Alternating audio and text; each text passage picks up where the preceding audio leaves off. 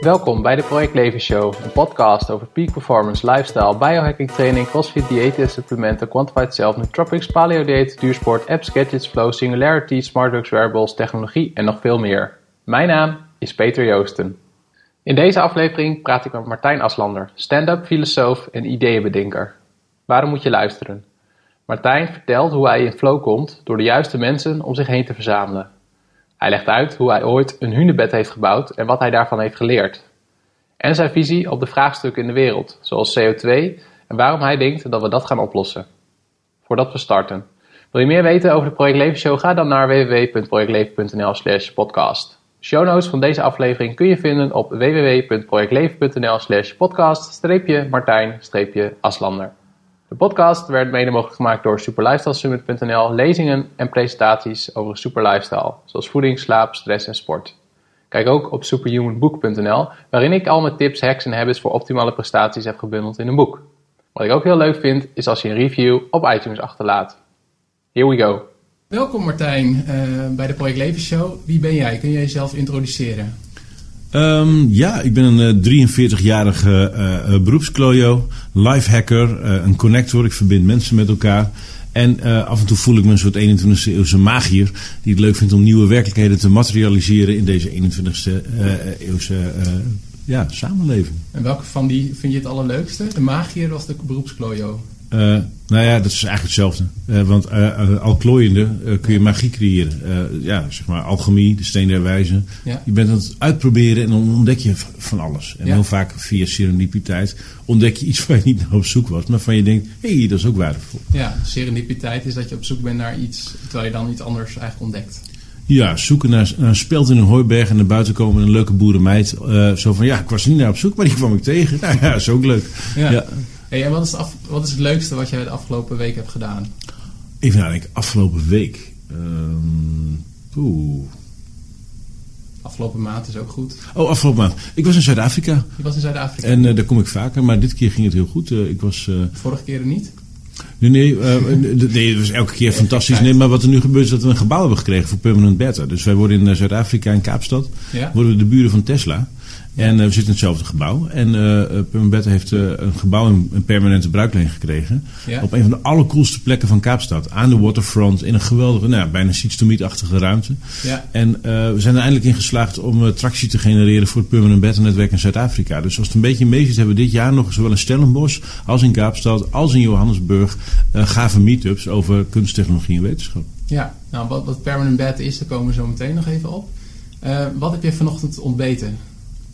Um, ik ontbijt eigenlijk zelden, want ik hou niet van brood. Oké, ja. Maar is het niet dat je het dan bewust doet vanwege periodiek vasten, intermittent fasting, of is het... Nee, het is, nee, ik, ik, ik, nee, meestal op het station uh, dan scoor ik wel een broodje. Ik zorg wel dat ik elke ochtend een banaan scoor. Ja? Het liefst zo vroeg mogelijk. Ja? Uh, want uh, nou ja, dat is makkelijk fruit. Ja. Je doet hem open en je vreet hem op. Dus bij een appel en een sinaasappel heb je toch meer gedoe van. Ja. Dus uh, ja, elke dag bananen. En meestal probeer ik tussen 11 en een uurtje of één ergens een, twee of drie eieren te scoren. Gebakken ja. eitje uitsmijten. Dat lukt niet altijd, maar. en dan red ik het meestal tot het eind van de middag. Ja, ja. Hey, en in de podcast ben ik op zoek naar peak performance. Ik interview alle experts op allerlei domeinen. Ja. Wat is voor jou peak performance? Kun je daar iets mee? Nou ja, een beetje wat Michali, uh, Csikszentmihalyi Michali uh, roept met flow. Ja. Het piekmoment is het moment waarop alle omstandigheden en wie ik ben en wat ik kan, intuïtief gaan, vanzelf gaan en dat je dan echt snoeihard aan het rocken bent. Het is een beetje wat ik me voorstel bij een, een goede jam sessie van een stel muzikanten. Mhm. En als je, als je daarin komt, dat jij uh, perfect kan resoneren met, met wat anderen te bieden heeft. Ja. Dat je mooie dingen kan maken. Ja, dat is echt te gek. En dat, dat heb ik vrij vaak. Omdat ik zeg maar, de omstandigheden waarbinnen ik werk vrij, ja, vrij goed zelf in de hand heb. Dus, ja. ja, ja. Want dat was inderdaad mijn vraag van hoe bereik je dat in je leven? Jij zegt, ik heb de omstandigheden in mijn hand. Ja. Wat, zijn, wat zijn dan de omstandigheden zodat jij in flow komt? Kun je dat zo destilleren, wat dat dan is? Nou, um, ik zoek mensen op. Ja. Um, en dat, ik, ik heb een, een, paar jaar geleden ontdekt dat het al heel lang is, dat patroon. Ja. Die bovengemiddeld snel van geest zijn. En flexibel. En nieuwsgierig. En open-minded. Lef hebben en nog lief zijn. Mm En als ik met zulke lui, dus met een goede houding, als ik op een plek ben ja. en uh, we zijn hardop aan het dromen en, en we gaan mee in die droom, ja, ja dan gebeurt er gave shit. En um, En ja, dat, dat vind ik het leukste wat er is. Dus, dus hardop dromen en dan terugrekenen van wat moeten we dan nu doen om daar te komen. Mhm. En dat Ja. lukt heel vaak. Ja, ja. ja ik vind het interessant wat je zegt, want ik ben me ook aan het verdiepen in flow. En een van de belangrijke flow-kenmerken is ook het sociale component.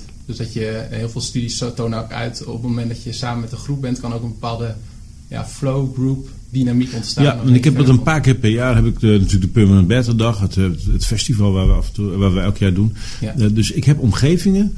eh, het festival is een mooi voorbeeld. Als ik daar ben, er zijn zoveel toffe, bijzondere mensen, dat ik eh, in, in vier dagen tijd ongelooflijk veel drink, bijna niet slaap, Mhm. semi-eindverantwoordelijk ben met een paar mensen, Ja. eh, fysiek op een relatief klein terrein meer dan 120 kilometer loop. Gewoon terwijl, omdat ik gewoon bezig ben en dag heen en weer aan het lopen tussen mensen. Ja. En dat ik op, eh, op, op ja, een soort wolken zit of zo. Dus het voelt af en toe alsof, alsof ik ingetapt ben op de collectieve positieve energie van dat veld aan die paar honderd gave bijzondere mensen.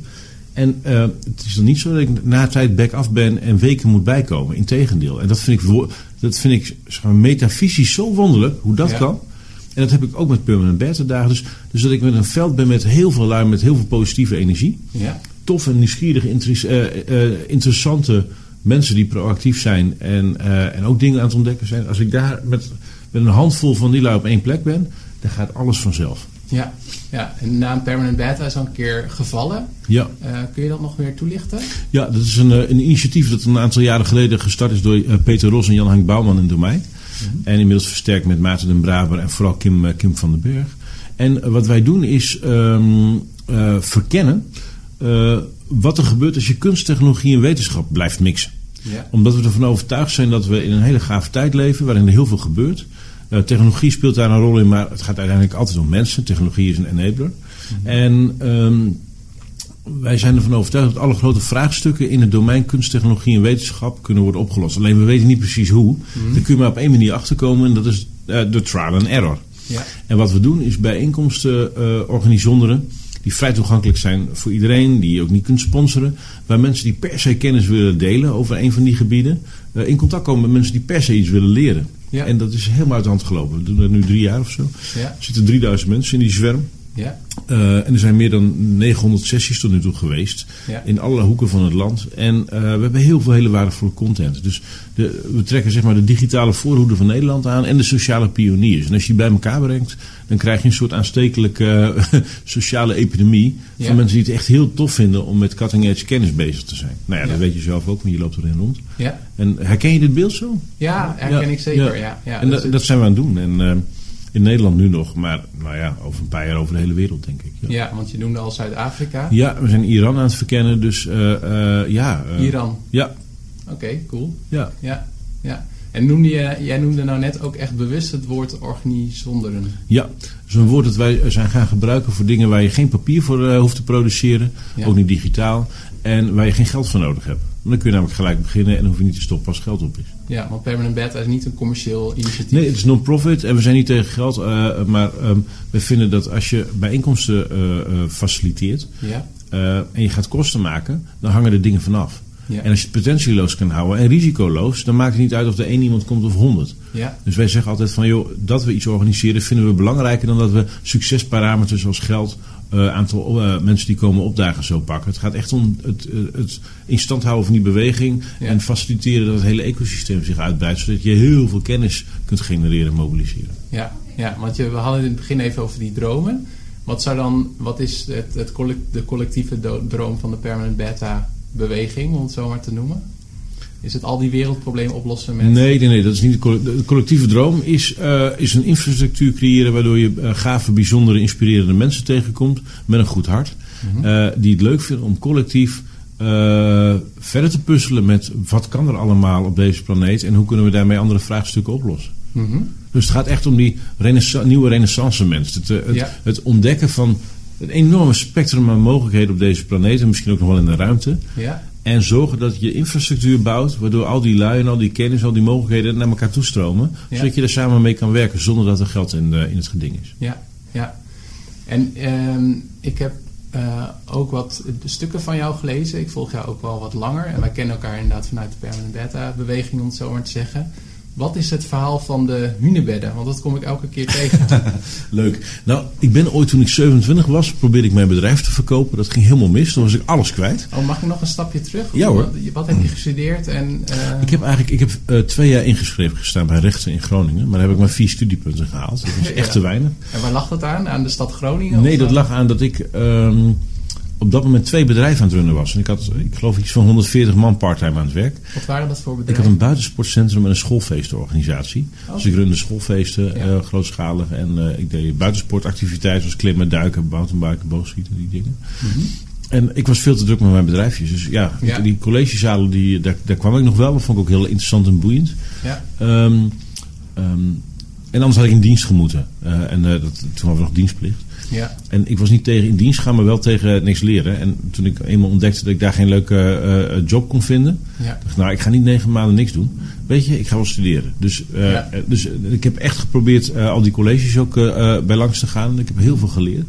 Maar ik had thuis geen tijd om al die, uh, al die tentamens voor te bereiden. Want ik had ook nog een paar bedrijven te runnen. Ja, en, en toen hadden we nog geen e-mail. Hè? Dus dit is echt wel- geen mobieltjes. Dus dat was Dus, uh, echt een andere Dat is tijd. echt oldschool. Ja. Waar ben je opgegroeid? Wat zat nog voor? Diep, eh, diep in de binnenlanden van Drenthe. Oké. Ja. Ja. En eh, nu gaan we weer een stapje vooruit, want je was aan het studeren, 20 jaar ongeveer. Ja, en ik was 21, had ik eindelijk mijn VWO-diploma. Maar nou ja, ik ben, ik ben met mijn bedrijfje verder gegaan. Dat bedrijf heb ik ooit geprobeerd te verkopen. Nou, Ja. daar had ik duidelijk geen kaas van gegeten. Van het verkopen niet. Nee, en dus dat ging helemaal mis. En toen bleef ik met een enorme schuld achter in één keer. Terwijl ik dacht, ik hoef nooit meer te werken. Dus dat was leuk bedacht, maar Ja. de realiteit was anders. Achteraf trouwens eh, helemaal niet erg. En eh, toen heb ik een van de meest onwaarschijnlijke dingen gedaan die je in die situatie had kunnen doen. Eh, ik besloot een hunebed te gaan bouwen. Ik kom uit Borger, waar het grootste hunebed ter wereld is. Ja. Uh, hunebedden zijn eh 5000 jaar oude megalietenstructuren. Ouder dan Stonehenge eigenlijk. Eh, en eh, er zijn er 54 van. En er was al een paar honderd jaar discussie over hoe hebben ze nou die hunebedden gebouwd. Ja. Toen dacht ik, nou, dat gaan we dan mooi eens even uitvogelen. Dus ik had bedacht, we gaan in 16 dagen tijd, eh, midden in het hoogseizoen, het toeristenseizoen, gaan we met vrijwilligers gaan we, eh, het grootste hunebed ter wereld bouwen. Dat ooit gebouwd met alleen maar handwerk. Dus alleen maar met touw, palen en met stenen. En Ja. kijken of het kan. En in twee jaar tijd hebben we een miljoen gulden bij elkaar gebracht. En hebben we in 16 dagen tijd met 14.000 mensen het grootste hunebed ever gebouwd. Het was echt een kikkerproject. Ja. En nou ja, daarna is er geen weg meer terug. Als je eenmaal een hunebed hebt gebouwd, met een geweldig team eh, waanzinnige mensen, en dat lukt, ja, dan kun je niet meer normaal een baan gaan hebben of zo. Dat gaat niet. En hij staat er ook nog steeds. Nee, we hebben het, wel, het ging om het bouwen, niet om het Ja. bouwsel. En eh, we hadden ook geen bouwvergunning en we Nee. de grond in bruikleen. Maar dit was echt een awesome project. Dit zijn Ja. echt van die dingen die, die, die, dit zijn mijlpalen in je leven. Ja. En weet je het moment nog dat je dat bedacht? Of dat jij dat met een vriend Ja. bedacht? Of Ja, dat weet ik nog. Kun je ons daar mee naartoe nemen? Ja, onze scoutingclub bestond 50 jaar. En toen dachten we, we moeten iets tofs gaan doen. En dat eh, clubhuis, eh, waar ik vanaf mijn zevende altijd rondliep, Ja. dat ligt naast het grootste hunebed. Ja. Dus op de ene manier had ik een soort idee van, hmm, wat als we in het kader van 50 jaar bestaan met al die scouts samen gewoon het grootste hunebed ooit gaan bouwen? Waarom niet? Ja. ja. En dat idee heeft me nooit meer losgelaten. Nee, en op een gegeven moment is dat ja, gaan rollen als het ware. Ja, Ja. Want hoe eh, krijg je die grote stenen op de... Het is heel praktisch hoor. Op die andere grote stenen. nou het is heel grappig. Eh, je pakt gewoon een steen van 5 of van 10.000 kilo. Die pak je gewoon. Nee, wat, wat je doet is, eh, daar leg je een, een ronde houten balk tegenaan. Ja. Daar zet je je voet tegenaan. Ja. Dan wurm je een, een andere dikke balk eh, wurm je er gewoon tussen. Tussen die steen en die balk die op de grond ligt. Als een soort van hefboom. Hefboom. En, of je, je wurmt er vijf dingen tussen als het een grote steen is. En dan ga je er met z'n allen aan hangen. en dan komt hij een klein beetje omhoog. Echt maar een klein beetje. Ja. En dan rol je een van die eh, eh, stenen, of een van die, eh, die balkjes, die rol je onder die steen. Ja. Vervolgens loop je naar de andere kant, doe je het nog een keer. En dan doe je het daarna nog een keer. En dan wiebel je hem zeg maar omhoog en dan frut je er wat onder. Nou, dan knoop je het hele pakketje aan elkaar vast. Dan leg je een hele rij van die rolletjes neer. Dan pak je een groot touw, dat bind je aan het pakketje vast. En als je er maar hard genoeg aan trekt met genoeg mensen, komt hij heus wel in beweging. nou, dat Ja. is zeg maar hoe je stenen beweegt. Ja. Maar eh, een hunebed bestaat uit zeg maar twee of drie eh, eh, grondstenen met erbovenop een deksteen. Dus hoe krijg je zo'n steen de lucht in? Nou, Ja. dat werkt ietsje anders. Je maakt gewoon met heel veel zand maak je een helling. Ja. En op die helling leg je vervolgens die balkjes. Ja. En dan moet je nog meer mensen hebben. En als je die hard genoeg aan de touw trekken, dan gaat hij de heuvel wel op. Ja. En nou, zo dus. Ja. En het, het klinkt voor mij best wel als een beslissende ja, fase in je leven? Of ja, misschien klinkt dat heel zwaar. Ja, nee, maar het is een big thing. Het is echt mission impossible, waarvan iedereen zegt, dit gaat je niet lukken. Doe niet zo gek, je bent gestoord, wat een onzin. Waarom zou je dat nu doen? Waarom zou je daar subsidiegeld aan verstoken? Al, allemaal. Het is een project waar je de hele tijd alleen maar shit tegenkomt. Mm En waar je leert dansen met shit. Ja. En is dat het belangrijkste, in, behalve het inzicht van ik wil niet meer in loondienst? Uh, ik heb nooit in loondienst gezeten. Het inzicht van uh, ik ga dat sowieso niet doen, want dit is zo tof. Ja. En het inzicht van je krijgt allemaal shit over je heen als je grote doelen wil bereiken. Heb je nog meer dingen geleerd in dat project? Ja, uh, dat die eigenschappen waar ik blij van word, snel van geest, flexibel, open-minded, nieuwsgierig, lef en lief, dat als je die om je heen georganiseerd, dat alles kan. Misschien ken je die uitspraak: It doesn't matter where the bus is going. What matters is who's on the bus. Ja, die ken ik. En hire for attitude, train for skills. Ja. Dus wat ik leuk vind is met mafketels werken, met een goede houding die houden van Mission Impossible. En daar dan ook in groeien, dat je dat samen doet. En dat is echt heel tof. Daar heb ik heel veel over leiderschap, uh, faciliteren, uh, een stapje naar achteren doen, andere mensen ruimte geven. Dat heb ik daar echt wel geleerd. Ja, ja. En dat als iedereen zegt iets kan niet, dat het niet wil zeggen dat het zo is. Nee, nee. En hoe is het, uh, hoe is het daarna voor jou gegaan? Want je bent nu vooral druk met parent beta en ook lezingen geven, et cetera. Is dat kort door de bocht? Ja, nou, als je even achteruit kijkt, wat er daarna gebeurde was dat iemand van de grond mij, dat is een groot uh, projectontwikkelingsbureau in, in, de openbare ruimte, dat die zei: Hé hey Martijn, wat ga je nu doen? Ja. Nadat hij nu klaar was, die zeiden: Nou, ik weet niet wat ik ga doen. Zeiden ze, nou kom dat dan bij ons doen, want wij hebben nog een hele etage leeg staan. Dus toen kreeg ik een hele etage in een, een van hun kantoren in Drenthe kreeg ik aangeboden. Nou, dat is normaal 75.000 euro aan huur. Ja. Kreeg ik gratis. Stond toch leeg. Ja. En toen dachten ze, ja, dan gaat hij zich waarschijnlijk overal mee bemoeien. En in no time loopt zijn hele netwerk hier rond. En dan hebben wij een betere informatiepositie en een hoop ideeën. Dus het heeft ze heel veel geld opgeleverd. Dus uh, en twee jaar later kwam de Rabobank langs en die zeiden, hé, hey, we hebben nog een... Uh, we hebben nog een ruimte leeg staan uh, in de directievleugel in ons nieuwe pand. Mm -hmm. het is niet zo groot als hier, maar bij ons krijg je geld toe als je daar. dacht ik, nou, omgekeerde huur, dat is een goed verhaal. Ja. Ga ik doen. En uh, dus ja, en daar ben ik op. Tussendoor heb ik mijn lezingencarrière ontwikkeld. Dus ik werd ooit benaderd om lezingen te geven. Ja. Uh, over het hunebed. En over toerisme, waar ik toen nog veel van wees, wist. En toen stond ik voor een volle zaal en toen viel ik flauw. Toen werd ik buiten wakker. Dus dat was uh, enorm scary. En toen dacht ik, hoe groot is nou de kans dat me dit nog een keer lukt? Toen ben ik nog een keer een lezing gaan geven. Toen had ik me niet voorbereid. En het ging zo goed dat andere sprekers niet eens meer wilden optreden. Nee, laat die Martijn maar lullen, dit is veel te leuk. Want ik had natuurlijk een heel verhaal over het hunebed. Ja. En toen dacht ik, oké, okay, dit kun je dus gewoon leren. Dus toen heb ik mezelf twee jaar lang, elke maand opgesloten in een, uh, in een ruimte in Drenthe. Ja. Met uh, bekende en onbekenden uitgenodigd van kom maar langs, betaal maar wat je het waard vindt. En uh, toen heb ik mezelf geleerd om vier uur te praten zonder voorbereiding en zonder powerpoint. Ja. Zonder dat mensen in slaap vallen. En na twee jaar dacht ik, nu kan ik het heus wel. En nou ja, ja. Dat, de rest is history. Ja, ja. ja, ik vind het zelf ook heel erg leuk om te presenteren. En ik wil er echt heel graag beter in worden. En jij zou dan zeggen van, ja, doe dat ook. Of ja, ja doe dan. Ja. Ja. De enige manier om een goede spreker te worden is uh, veel te spreken. En ik zeg tegen iedereen, de eerste honderd lezingen tellen niet mee. Nee. Dat je een paar keer applaus krijgt en dat het goed gaat, wil niet zeggen dat je het kan. Nee. Dus uh, en, uh, het belangrijkste is het, het op je gemak zijn met jezelf, met je verhaal en het lezen van de zaal. Hmm. En, uh, en, uh, en er zijn zoveel factoren die bepalen of je uh, kunt performen onstage. En die moet je allemaal doorgronden, die moet je leren herkennen. Dus dat is gewoon routinewerk. Ja. En if you want to be on stage, you have to be on stage. Dus de enige manier om spreker te worden is op een podium klimmen. Ja. Ongeacht of je daar geld voor krijgt of niet. Sta op een podium, want dan leer je en dan oefen je. En dan zien andere mensen, die zien jou. Ja. En, en alleen als mensen jou zien, kunnen ze tegen iemand anders zeggen dat ze jou moeten bellen. Ja. Ja. Dus uh, ik ken heel veel sprekers die zeggen, nou voor minder dan zoveel geld kom ik niet in beweging. Nou ja, die worden dus nooit heel goed. Nee, nee. Maar dat, dat geldt denk ik ook wel voor meer dingen. Hè? Van, om iets goed te kunnen moet je het gewoon heel vaak doen, heel vaak falen. Uh, ja. risico's eigenlijk nemen. En uh, heb jij ook een getal van hoeveel, hoeveel keer heb jij nu onstage gestaan? Is dat... Nou, dat is een, dat is een ingewikkelde. Want um, ik ontdekte later dat in de tijd dat ik nog buitensportactiviteiten organiseerde, um, heb ik waarschijnlijk al wel iets van duizend keer voor een groep gestaan om een verhaal te vertellen. Maar dan geef je instructie over hoe je uh, klimtuigjes zo voet moet vastmaken dat het veilig is. Of wat de bedoeling is van de speurtocht die ze gaan doen, of het kinderfeestje of whatever. Ehm, ik heb jarenlang een kinderspelweek georganiseerd met 60 vrijwilligers en 180 kinderen. Dan sta je ook de hele tijd voor de groep. Alleen dat is wat anders dan in een zaaltje gaan staan en kennis en inspiratie overdragen. Dus ik had waarschijnlijk al meer stage ervaring dan ik zelf door had. Ja. Ehm, maar op een podium klimmen en een verhaal houden.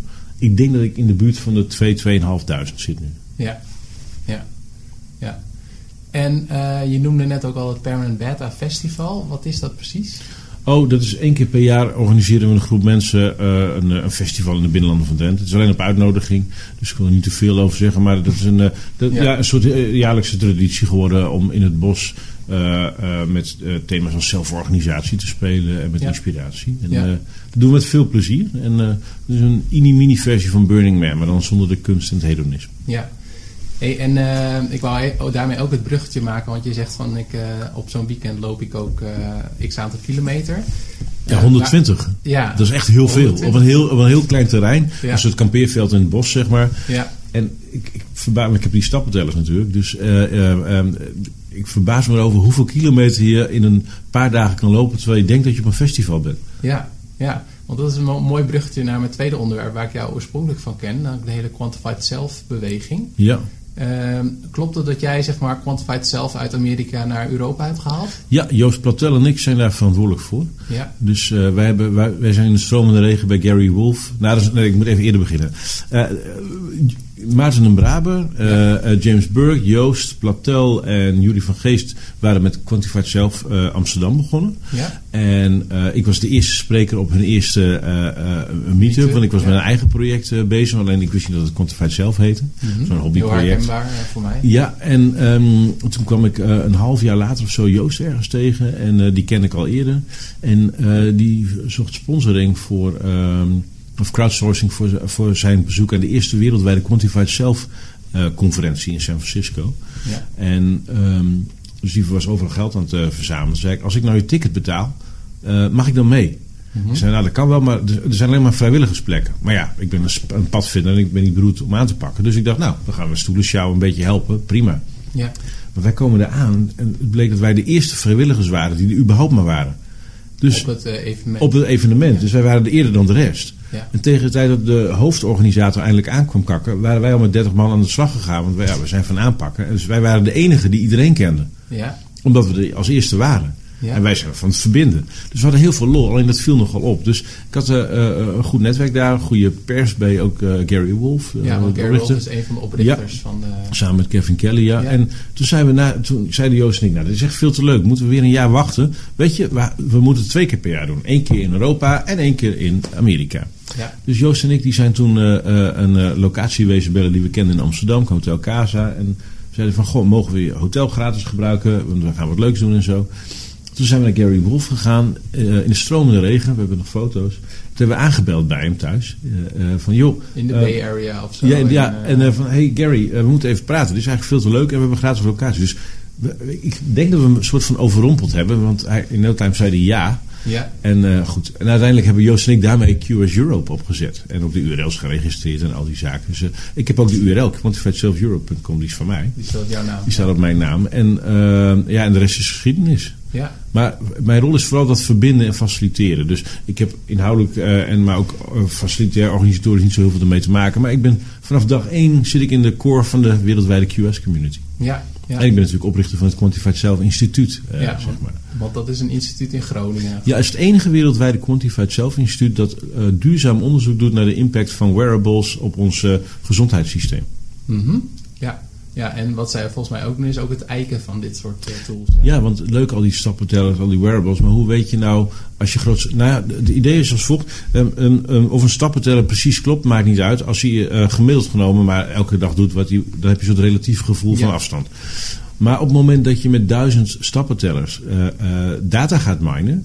en je gaat daar, op basis daarvan wetenschappelijk onderzoek doen. En dat is wat mij de grote belofte van QS. Heeft niks te maken met zelfmeting, maar collectieve data. Uh, om grote vraagstukken op gezondheidsgebied op te lossen en aan te pakken. Dan maakt het wel uit of die data gevalideerd is en betrouwbaar is. Ja. En daar, dat moet je eiken en onderzoeken. En daar zit het instituut voor opgezet. Ja, ja. Want dat is ook ehm, waar wij het ook al vaker over hebben gehad. Jij ziet ook een, een grote rol voor Apple Health ook daarin weggelegd. Hè? Ja, enorm. Het is een open source uh, research platform met in potentie nu 800 miljoen uh, iOS gebruikers. En um, ja, Apple heeft denk ik, denk dat Steve Jobs op zijn sterfbed heeft bedacht: oké, ik ga dood. Waar, ik heb gewoon uh, uh, 150 miljard dollar hebben we op de bank bij Apple. We hebben 80.000 slimste mensen ter wereld hebben we. We hebben 800 miljoen super tevreden klanten. Waarom gaan we niet met z'n allen crowdsourcen het, het, doen van wetenschappelijk onderzoek naar gezondheid? En een van de grootste aspecten van wetenschappelijk onderzoek is natuurlijk je N. Ja. Hoeveel je, je, representatieve steekproef. En op het moment dat de N groot genoeg is, ja, dan wordt onderzoek alleen maar makkelijker. En het hele argument van de farmaceutische industrie om dure medicijnen te maken. Ja, we, het is heel duur om te maken, want maar een deel werkt. En het is heel duur om, uh, om, om te testen allemaal. Dat hele argument is flauwekul geworden. Doordat we Apple nu een uh, platform heeft aangemaakt, open source. Uh, waarmee iedereen op aarde grootschalig wetenschappelijk onderzoek kan gaan doen. Naar medische inzichten. Nou, dat is, dat is zo huge. Daar had hij postuum een Nobelprijs voor moeten hebben, volgens mij. Ja, ja. Maar het wordt nog niet als zodanig gezien door het... nee, dat vergt een geoefend oog. Maar ja, dat is meestal wat wij doen natuurlijk. Over drie, vier jaar dan komt de rest van de wereld er wel achter. Maar het is echt heel groot. Op de eerste dag dat ze het gelanceerd hadden... hadden ze meer participanten in het borstkankeronderzoek... dan alle kankerklinieken in heel Amerika en een heel jaar bij elkaar. There you go. Ja, ja. En uh, nog terug naar een meer persoonlijk uh, niveau. Wat meet jij nu van jezelf? Stappen? Ik, ik meet uh, hartslag... Ik meet bloeddruk, ik meet gewicht, vetpercentage, BMI. niet dat het zo gezegd. Ik meet mijn stappen, ik meet mijn locatie. ik meet het aantal telefoontjes wat ik pleeg. Ik meet alle besteden tijd op al mijn computers en op mijn iPhone. Dus ik meet van alles en ik ben eigenlijk niet heel erg geïnteresseerd in mijn eigen data tot ik het een keer nodig heb en dan zie ik het wel. Maar ik vind het, het, het fascineert me vooral van wat maakt dat ik iets wel of niet uh, ga meten. Ja. En ik hoop ooit mijn data te kunnen delen met andere mensen om daarmee te helpen vraagstukken op te lossen. Maar it's a matter of time. Dus ja. ik doe heel veel dingen waarvan ik niet precies weet waarom, maar dat kon wel eens een goed idee zijn. Ja, ja, nee, dat klopt. Dat is ook wel vaak de feedback die ik hoor over Quantified zelf. Van, oh, ben je dan ook de hele dag bezig met je data aan het analyseren? Ja. Maar ik sta er ook hetzelfde in als jij inderdaad. Ja, want ik zie heel veel uh, uh, gemakkelijke pers uh, schrijven over QF. Van ja, dat zijn allemaal hypochondrische mensen die fanatiek bezeten zijn over wat er in hun eigen lijf gebeurt. En dat vind ik echt zo flauwekul. ik ben helemaal niet geïnteresseerd in die data. Ik ben geïnteresseerd in wat dit voor, op mensheidniveau zou kunnen betekenen als een paar honderd miljoen mensen dit gaan uh, combineren. Ja. En ja, en, en, en de rest van de pers die dit niet snapt, dat zijn gewoon luie donders. Ja. En zie je nog andere doorbraken op andere domeinen bedoel ik dan uh, de gezondheidszorg? Op het moment dat we de quantified us ontstaat als het ware? Of is dat wel echt de grootste? Nou ja, gezondheid is natuurlijk een van de allergrootste kostenposten in onze samenleving. Ja. Uh, en nou ja, wat we gewoon op grote schaal zien is dat technologie al eeuwen allemaal vraagstukken oplost voor ons. En nieuwe vraagstukken creëert. Maar ze, lossen elke keer ietsje meer op dan dat ze uh, uh, nieuwe vraagstukken opleveren. Ja, en ik sta er positief in. Dus ja, dit zal alle domeinen zijn. Maar het gaat natuurlijk niet alleen om QS. Het gaat om neurotechnologie, nanotechnologie, sensortechnologie, ehm, robotica, domotica. het gaat om QS, het gaat om Open data, big data, open hardware. Uh, het gaat om de maker movement, het gaat om deep learning, artificial intelligence, predictive intelligence. Al die dingen samen, dat is volgens mij het echte verhaal. QS is daar een onderdeel van. Want dankzij mobiele netwerken, dankzij sociale zwermen als Facebook, Twitter en LinkedIn, dankzij dalende kosten op het gebied van uh, sensortechnologie, gekoppeld aan goede user interfaces, kan dit allemaal. Ja het open source platform van Apple. Dus volgens mij kun je big data of de maker movement of Facebook of QS niet los van elkaar zien. Nee. En wat is het uh, principe van singulariteit? Want dat gaat eigenlijk om dat ze elkaar dan ook weer versterken. Nou, het hele idee van singulariteit is dat er een moment komt in de tijd dat uh, uh, één computer meer rekenkracht heeft dan alle, mens, alle mensen op aarde bij elkaar opgeteld. Een soort superbrein. Ja. En ehm, om eerlijk te zijn, weet niemand welke kant het op gaat. Maar dan moeten we verkennen met z'n allen. En dat doe je door trial and error. Ja. Ben jij wel eens bang voor kunstmatige intelligentie? Nee, voor geen meter. Waarom niet? Omdat uh, kunstmatige intelligentie geprogrammeerd is door mensen. Dus ik zou eerder bang zijn voor mensen dan voor uh, computers. Ja, ja. En even deze week, hè, uh, een van de belangrijkste Go-spelers ter wereld is verslagen door de computer van Google. Ja. Dat was echt groot nieuws. Ja. En wat je leest, maar uh, Clive, Clive, Thompson heeft een geweldig boek geschreven, We worden steeds slimmer, van Maven hier in Nederland. En daar legt hij ook uit van, joh, Kasparov is nadat hij uh, verslagen was door Deep Blue niet gestopt met schaken. Hij is met computers samen in een soort intuïtieve, creatieve superbreindans nieuwe schaakdimensies gaan, uh, gaan creëren. En computers plus technologie is nog veel meer waard. Nou, dat hebben we nodig als we de ruimte willen veroveren. Daar gaat het natuurlijk naartoe. Ja, ja. Nou, je noemt wel echt een heleboel dingen. Wat, uh, om even die laatste te pakken. Wat bedoel je met als we de ruimte ingaan? Nou, de kostprijs van uh, ruimtevaarttechnologie is snoeihard naar beneden aan het, aan het kelderen. Niet zo'n klein beetje ook. Hm. Dus um, als wij heel even sparen, kunnen we samen een nanosatelliet kopen. Een CubeSat van 15.000 euro. Die we gewoon de ruimte in kunnen schieten. Nou, Ja. dat is onbestaanbaar. Dat je een eigen satelliet kan kopen. Even, Ja. Ik ben opgegroeid in de jaren, eh, ik, eh, in de jaren 80 met eh, de eerste space shuttles en zo. Toen was ruimtevaart, oeh, ver weg. Ja, Ik kan gewoon zelf, als ik even mijn best doe, kan ik gewoon een satelliet kopen. Hallo, dat is wel een dingetje. Dus ruimtevaart komt in een rap tempo dichterbij. En het is echt niet ondenkbaar dat we ergens de komende 80 jaar de ruimte gaan koloniseren. Ja. Dan- want ja, op een gegeven moment is het echt wel op hier op aarde. Je weet niet wanneer, je weet niet door welke omstandigheden. Maar er is wel heel veel aan het gebeuren en dat moeten we met z'n allen gaan verkennen. ja, ja. En ehm, je zegt van eh, op een gegeven moment is het wel op eh, met de aarde. Wat, is, wat zijn jouw grootste zorgen? Of als je één probleem, één wereldprobleem zou willen oplossen, wat zou dat dan zijn?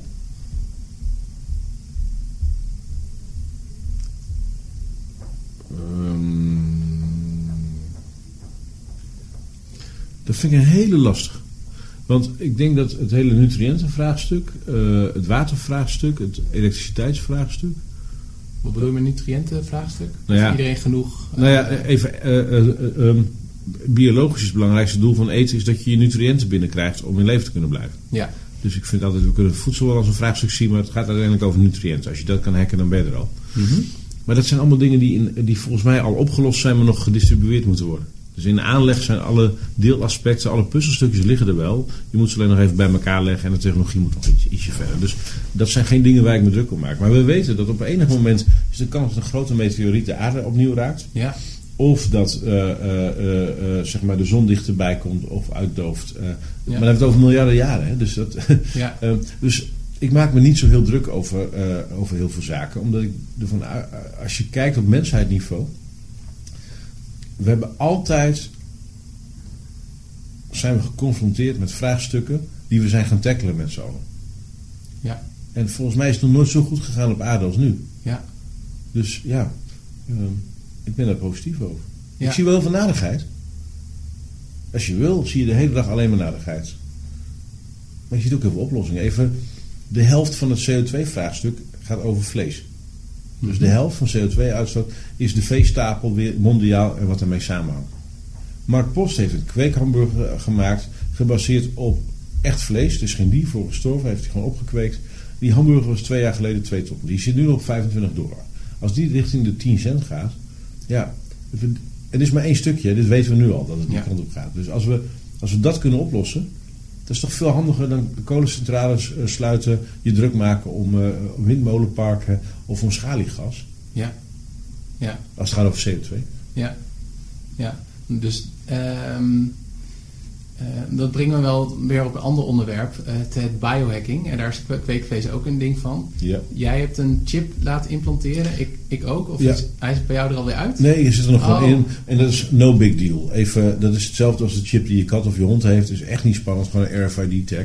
Omdat ik gewoon nieuwsgierig was. Van, nou, hoe is het om eh, technologie in je lijf te hebben die daar eigenlijk normaal niet hoort? En Kijk, bij, een pace, bij- bij een pacemaker vinden we het allemaal normaal dat, dat mensen dat hebben. Of een Ja. kunstheup. Is een heel klein chipje, voel je niks van. En ik was gewoon oprecht nieuwsgierig naar wat gebeurt er als dat in mijn lijf zit. Merk ik daar iets van? Voel ik daar iets van? Wat doet dat met me? Wat vind ik daarvan? Waar gaat dit naartoe? En het levert mooie gesprekken op. Dus ehm, ik zit er puur vanuit nieuwsgierigheid in. Vanuit een soort overtuiging dat dit ergens de komende tien jaar normaal gaat worden. Mhm. Nou, dat wil ik graag verkennen. Ja, En ik doe er nog helemaal niks mee. Nee. En wat, wat deed dat met je lijf? Want ik merkte dat de eerste drie weken was er nog een beetje beurs. En, uh, ja, je hebt hem, in je, je, hebt hem je, uh, tussen je, je duim en je wijsvinger ja. zitten. Ik heb hem in mijn arm zitten, bij, net boven mijn pols, zeg maar. Oh, ja. En daar merk ik helemaal niks van. Dus ik merk, ik merk er in de praktijk helemaal niks van. Nee. Ik, af en toe uh, ga ik even voelen om, te checken of hij er nog zit. Ja. ja. En klopt het dat je ook bezig bent om een magneetje in je vinger te laten implanteren? Ja, maar dat vind ik wel heel bijzonder. We hebben natuurlijk vijf zintuigen. En als je in zes zintuigen gelooft, nou dan heb je zes zintuigen. Maar ehm, ja, je kunt een heel klein magneetje in je vingertoppen inbrengen. Die zeg maar, als dat allemaal weer dichtgegroeid is, je zenuwuiteinden raakt. En we hebben natuurlijk een ongelooflijk verfijnd sensorisch systeem. Ja. Dat is een van de redenen waarom seks zo leuk is. op het moment dat er een vlieg op je haar landt, dan voel je dat dat je denkt, nou maar vliegt die weegt niks. Hoezo voel je dat? Dus zo verfijnd kunnen wij voelen.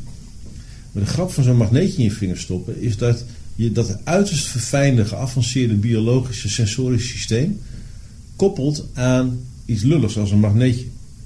Maar een magneetje kan iets wat wij niet kunnen. En dat is namelijk straling voelen. Dus als er dat magneetje in je vingertop zit, na drie weken, als jij dan onder een hoogspanningsmast staat, dan voel je gewoon de energie. Als je met je hand over een muur wrijft, dan voel je gewoon uh, omdat het magneetje heel lichtjes gaat vibreren. Omdat hij reageert op, op, op metaal in de muur. Uh, en dat overbrengt op je sensorsysteem. Dan kun je dus gewoon voelen waar een leiding loopt. Dus je voelt dingen die andere mensen niet kunnen voelen. Ja. Uh, dat is heel bijzonder. Een extra zintuig.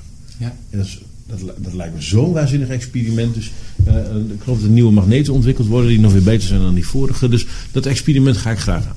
Ja, ja. Zijn er nog andere dingen die je op dat gebied graag zou willen klooien met je lijf? Nou ja, wat ik. Uh, uh, um, ik heb dat verhaal gelezen van die gozer die uh, druppels heeft ontwikkeld. waarmee je zes uur lang in het donker kan kijken. Dus ja. waarmee je nachtzicht ontwikkelt. En ja, dat, dat is natuurlijk een debiel, krankzinnig verhaal. Maar ja, hoezo vinden wij een bril, een zonnebril. of een nachtkijker of een verkijker gewoon. En vinden we vloeistof in onze ogen. waarmee we in het kunnen kijken. raar of bizar. Nou, dat gegeven, dat is interessant. En dat verken ik graag. Dus ik heb daar niet hele harde wensen voor. Maar het is een pad wat ik graag bewandel om te kijken wat gebeurt daar. Ja. Ik ben er niet op uit om mijn hele lijf uh, uh, zeg maar, te transformeren in een, half, een halve biomachine of zo. Nee. Maar ehm, het is uiterst interessant. Ja, ja, ja, er zijn ook mensen die die ook een soort van kompas in, hun lijf hebben. Hè? Als, als ze richting het zuiden staan, dan gaat het trillen. Mm -hmm. En dan heb je eigenlijk ook een extra zintuig. Dat je ja. altijd voelt waar het noorden is. Ja. Hey, en een verdergaande van, vorm van biohacking, onderdeel daarvan is ook rondom, laat ik zeggen, mensen die zichzelf willen laten invriezen. Ja. Onsterfelijkheid. Ja. wij hebben allebei ook de lezing van Max Moore gezien in Helsinki. Ja. wat is jouw visie daarop? Zou je dat um, zelf ook willen bijvoorbeeld? Ik, ik, ik, heb daar nog nooit echt over nagedacht. Ik heb, ben het vaak tegengekomen, ja. maar ik heb nog nooit bij mezelf afgevraagd... Hmm, zou ik mezelf willen laten invriezen? Om onsterfelijk, ik heb geen behoefte om onsterfelijk te worden, geloof ik. Maar uh, omdat ik snap dat dood is nou eenmaal een logisch onderdeel van wat, uh, wat we aan het doen zijn hier. En hoe dat werkt. Ja. Um, dus ik zou dat eigenlijk niet zo goed weten. Nee. Zou je jezelf spiritueel willen noemen? Ja, dat is ook weer zo'n woord. Um, nou, waar, waar, ik, ben, ik heb laatst een bepaalde uh, ayahuasca-ceremonie meegemaakt. Ik weet niet of je dat kent. Vies spul, hè? Het is echt het is ontzettend smerig. Ja, nee, ayahuasca is geweldig. Nee, maar um, um, ik moet geen uh, drugs in mijn uh, brein gaan stoppen. Ik, mijn brein draait uh, redelijk optimaal, vind ik. Mm -hmm. En daar moet ik geen spulletjes bij gaan stoppen, want ik wil dat, die balans niet verstoren. Nee. ayahuasca is wel een van de dingen, het is natuurlijk heel biologisch, waar ik nog wel nieuwsgierig naar ben. Maar um, ja, spirituele, goddelijke ervaring. Alles is energiewerk op aarde. Ja. En uh, daar kun je heel ingewikkeld over doen, of je kunt het gewoon nemen zoals het is. En, uh, ja. uh, er is een hoger iets, dat weet ik. En ja, hoe, of je dat God wil noemen, of, of, of, een kosmisch bewustzijn, of whatever. geen idee hoe dat werkt. Ik maak me er niet altijd druk om. Ik lees er graag over. Ehm, maar ja, ik, hoe meer erover praat, hoe meer het ook stuk maakt, denk ik. Mm -hmm. En ik zie dat de meeste mensen die bezig zijn met spiritualiteit uh, ja, de connectie met aarde een beetje los aan het laten zijn. Ja. En uh, eigenlijk, uh, als je even doorvraagt, vaak geen flauw benul hebben waar ze het over hebben. Dus ik, ik, ik, ik, ik ben, dat is wel grappig, en ik, vind, en ik vind het en heel boeiend wat daar gebeurt in dat veld. En ik ben ook fanatiek lid en sponsor van Skepsis.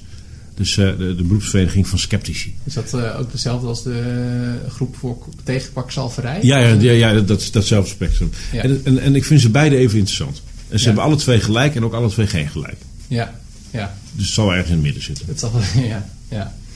Hey, en weer een, uh, weer een andere kant op. Uh, toen ik jou de laatste keer sprak, toen zei je dat je een Amazon Echo hebt besteld. Een soort van cilindervormig uh, apparaat wat de hele dag met je meeluistert. En die ook opdrachten kan geven. Is dat doorgegaan? Nee, of, ik heb, nee oh. want het blijkt in Nederland nog niet zo makkelijk aan de praat te krijgen. Dus, ja. en dan moet ik dan te veel voor hacken. En ik ben nog niet zo technisch. Dus, ja. maar zodra ik mijn handen kan leggen op dat ding, dan acuut. Ja, en wat zijn nog meer in je persoonlijke sfeer uh, ja, gadgets, om zo maar te zeggen, waar je heel erg naar uitkijkt? Of die je, of die je nu gebruikt en waar je heel erg blij mee bent? Nou, de, het, ultieme gadget, uh, waarvan ik hoop dat het er ooit komt, is een ding uh, dat ik ehm, bijvoorbeeld in mijn mond stop. En dat in één minuut verzorgt dat mijn hele gebit gereinigd is.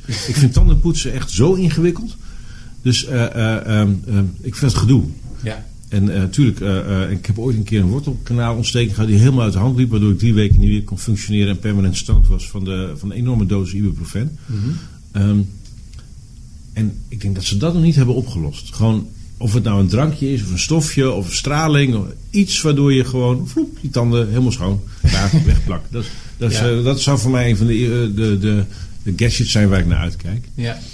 En, um, het is dan niet de tandenborstel die je nu hebt, die je dan uh, een score geeft van hoe goed je je tanden hebt gepoetst. Nee, maar is nog steeds nee. gedoe. Ja. Ik wil gewoon een heel apparaat, gewoon een soort bitje wat je dan, waar je even een minuut in buiten het dan klaar is of zo. Ja. Weet ik veel. Ja. ja. Wat ik dan heel, heel boeiend vind, ook in mijn eigen visie op dat soort dingen, is dat je ook een hele tegenbeweging wil ik het niet noemen. Maar je hebt ook mensen die zeggen van ja, de huidige uh, tandpasta's zijn ook niet goed. Uh, je hebt ook het oil pooling. Ja, doe ik ook. dus ik, uh, ik doe drie dingen. Ik doe, ik doe tandenpoetsen. Ik doe drie keer per week pooling. Kun je nog uitleggen wat dat is? Ja, dan gooi je biologische olie. in mijn geval kokosolie werkt ja. heel goed. verschijnt goed te werken. ik heb sesamzaadolie. Um, wat je doet is een, een eetlepel van dat spul in je mond stoppen. Ja. En, daar, en dat daar uh, een minuutje of uh, 15 uh, in laten zitten. Ja. En dan weer uitspugen. Wat, wat ik ook doe, uh, is appelsiederazijn. Dus je gooit twee eetlepels appelsieder. Verdun je gewoon, tot een, gewoon in een glas. En dat drink je gewoon op. dus niet te zuipen. En, dat, en je kunt uitspugen, maar je kunt het ook doorslikken. Omdat het ook nog heel veel doet met je darmflora. En in het kader van, nou ja, eens kijken wat er gebeurt. Ja. Dus ik ben benieuwd wat er gebeurt als ik naar de tandarts ga. Of je zegt, hé, hey, wat is hier gebeurd? Of, uh, ik zie het ja. wel. Ja. ja. Maar uh, interessant. Ja. En kun je ons nog, uh, want dat brengt me eigenlijk op iets waar ik ook heel veel fascinatie voor heb, namelijk ochtendrituelen. Hoe ziet jouw ochtend eruit nadat je het eerste uur nadat je je ogen open doet, s ochtends? Um, of is dat niet vast? Ja, het is redelijk vast. Um, um, we hebben thuis een wekker die heet Robin. Dat is mijn dochtertje van uh, iets ouder dan anderhalf.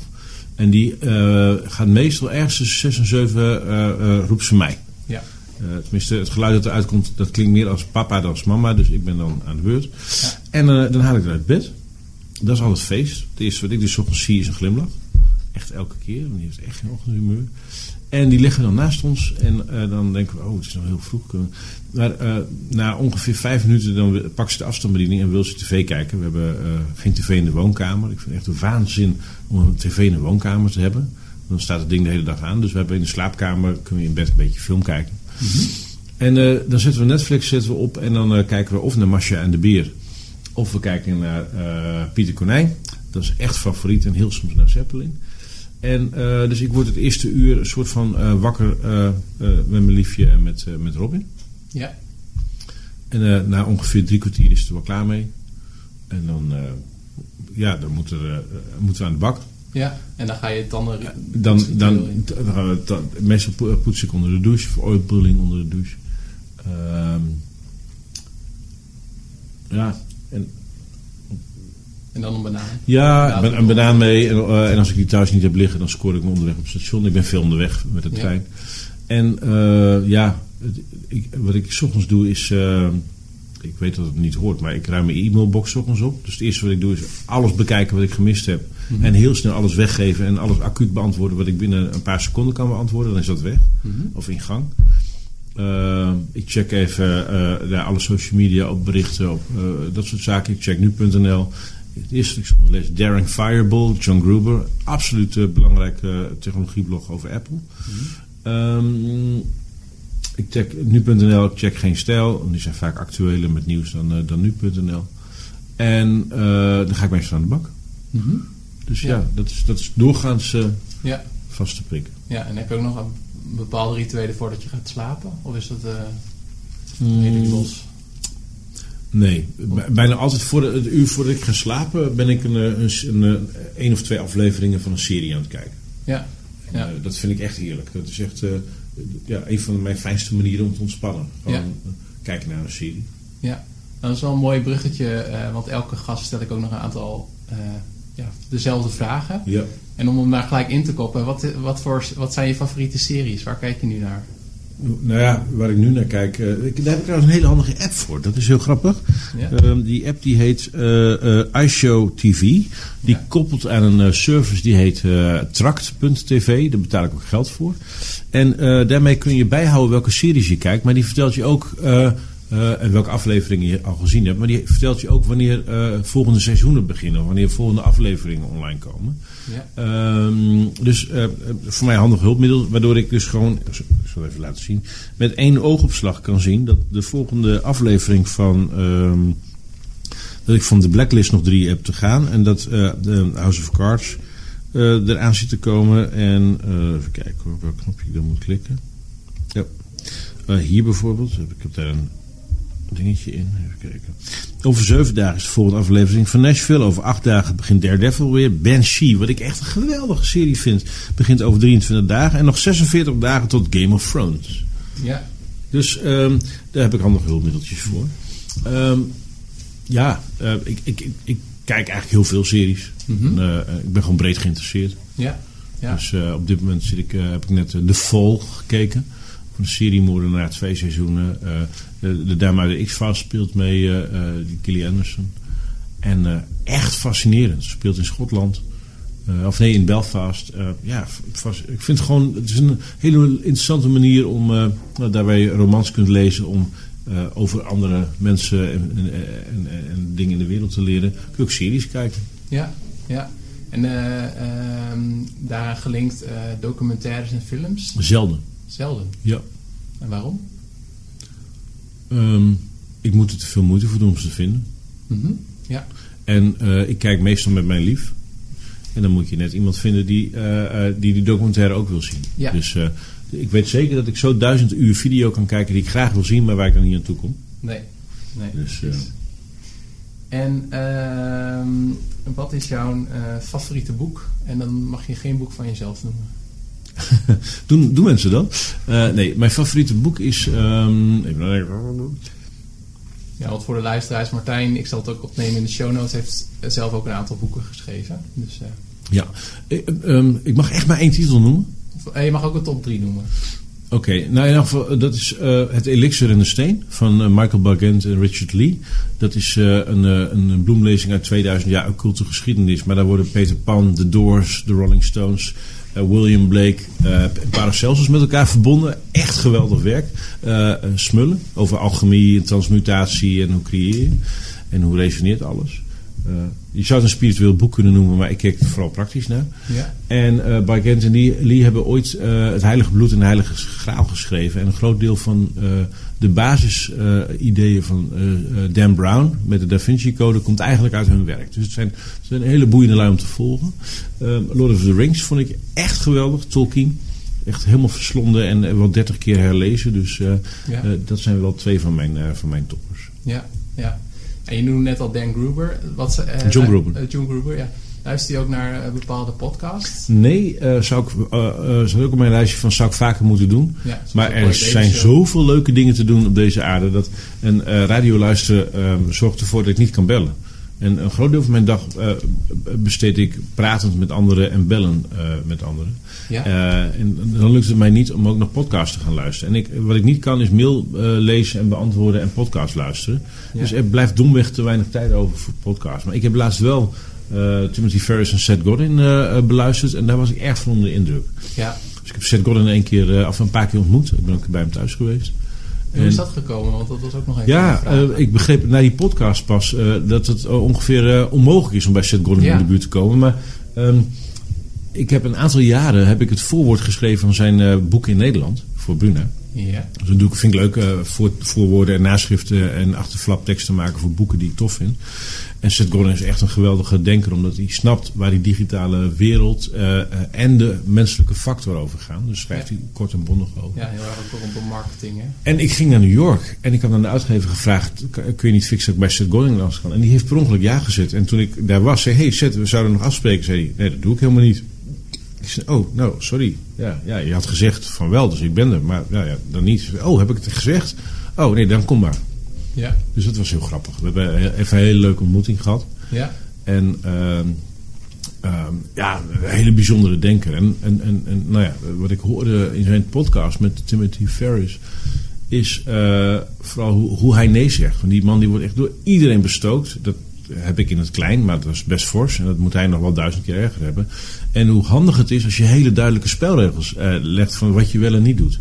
Dus hij heeft hele duidelijke regels van, nou, ik doe dit niet, dit niet en dit niet. Dus als je iets aan mij vraagt en het lijkt op dat of dat of dat, dan is het antwoord de standaard nee.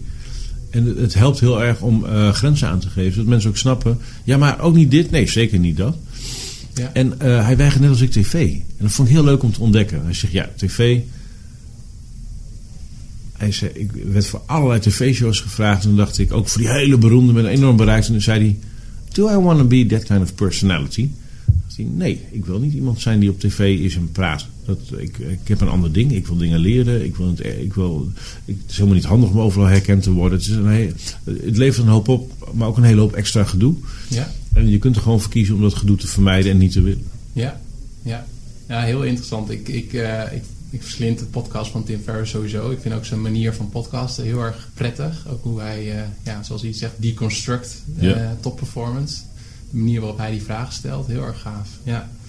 Hey, en uh, je noemde net al een paar websites die je elke ochtend checkt. Zijn dat de belangrijkste of heb je nog andere?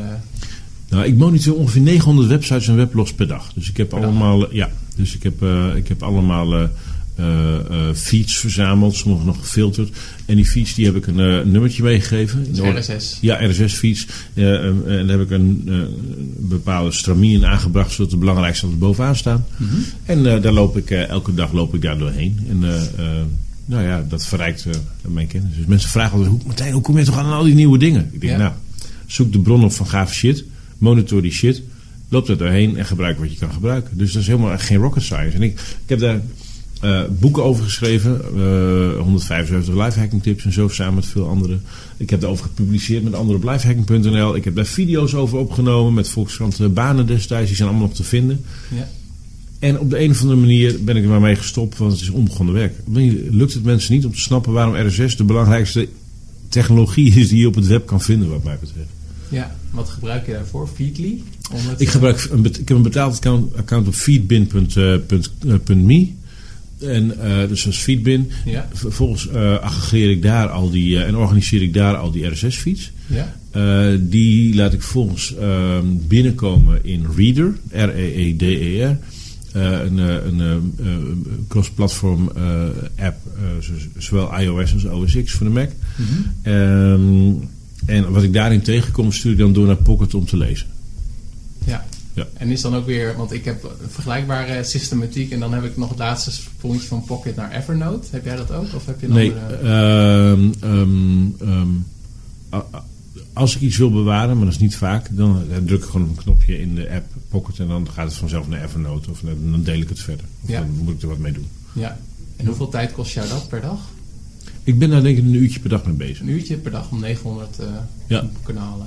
Ja, en je hoeft niet alles te lezen en alles te zien, maar in elk geval uh, krijg ik meer mee dan de rest. Je mist altijd meer dan dat je mee kan krijgen. Maar mm -hmm. dit zet wel een enorme hefboom op mijn researchcapaciteit. Ja, en wat zijn een aantal dingen uit jouw top 10 die je, als dat binnenkomt, dat je het sowieso leest?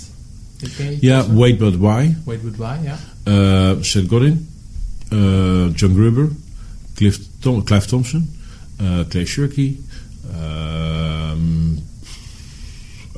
TPO.nl doet Bert Brussen echt geweldig. Even, dat is een van de belangrijkste onafhankelijke nieuwsplatforms van Nederland. Um, crimesite.nl, followthemoney.nl, um, Numrush. ja. Ja, ja. Hey, en zou je ook, we begonnen het gesprek over de hunebedden. Zou je ook in de tijd willen reizen? Zou je dan juist helemaal terug willen of, helemaal, of vind je het gewoon lekker zoals het nu is?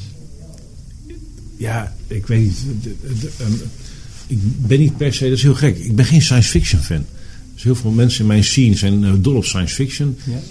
Ik kom daar nooit bij of zo. Ik vind geen Star Trek en Star Wars heb ik helemaal niks mee. Lightsaber is natuurlijk super cool, hè? maar uh, verder heb ik er niks mee. Dus tijdreizen is een, iets wat gewoon in mijn, niet in mijn systeem resoneert of zo. Dus, nee. nee. nee. Hey, en als, ehm, uh, als mensen straks uh, klaar zijn met luisteren naar deze podcast en je mag ze één ding meegeven die ze moeten doen of lezen of uh, weet ik veel, wat zou je ze dan aan ze willen vragen? Ga bij jezelf na hoeveel van al jouw angsten eigenlijk niet getoetste aannames zijn.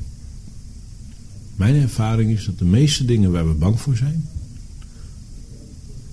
dat zijn dingen die in de praktijk wel meevallen. En een groot deel van de mensen laat zich leiden door een hele stapel niet getoetste aannames. Test je aannames. En hoe doe jij dat? Door ze, door ze te testen. Door ze te doen? Ja, dus ja. Uh, ja, als je bang bent voor monsters onder je bed, zeg ik wel eens. Dan moet je af en toe wel even kijken of ze nog zitten. Anders zit je voor je een lul te wachten. Ja, ja. Hey, en hebben we nog iets gemist in dit uh, interview?